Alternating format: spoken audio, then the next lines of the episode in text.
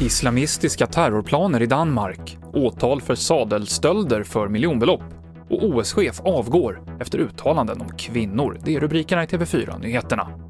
Och vi börjar med de misstänkta terrorplanerna i Danmark. 13 personer i Danmark och en i Tyskland sitter i förvar misstänkta för att ha förberett terrorangrepp i antingen Danmark eller Tyskland. Det sa dansk polis på en presskonferens nyss. De misstänkta hade skaffat vapen och ingredienser för att framställa sprängmedel. Man har också hittat en IS-flagga, sa polisen.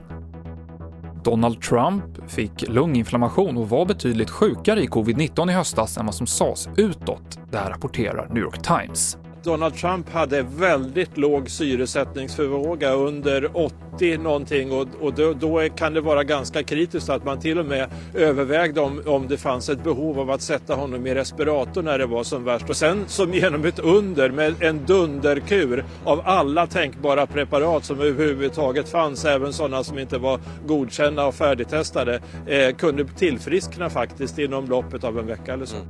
Det sa vår USA-korre Stefan Borg. I Sverige så åtalas tre män för att ha stulit sadlar till ett värde av över en miljon kronor. Enligt åklagaren har de brutit sig in i sadelkammare på olika gårdar och ridskolor i södra Sverige och där stulit ett 80-tal sadlar. Åklagaren vill att de utvisas om de döms. Männen nekar till brott.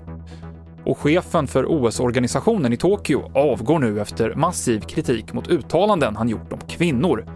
Yoshiro Mori sa förra veckan att kvinnor pratar för mycket och att citat “Vi har sju kvinnor i kommittén, men alla vet sin plats”. Slutcitat. Han har bett om ursäkt, men avgår nu alltså. Och det avslutar TV4-nyheterna med Mikael Klintevall.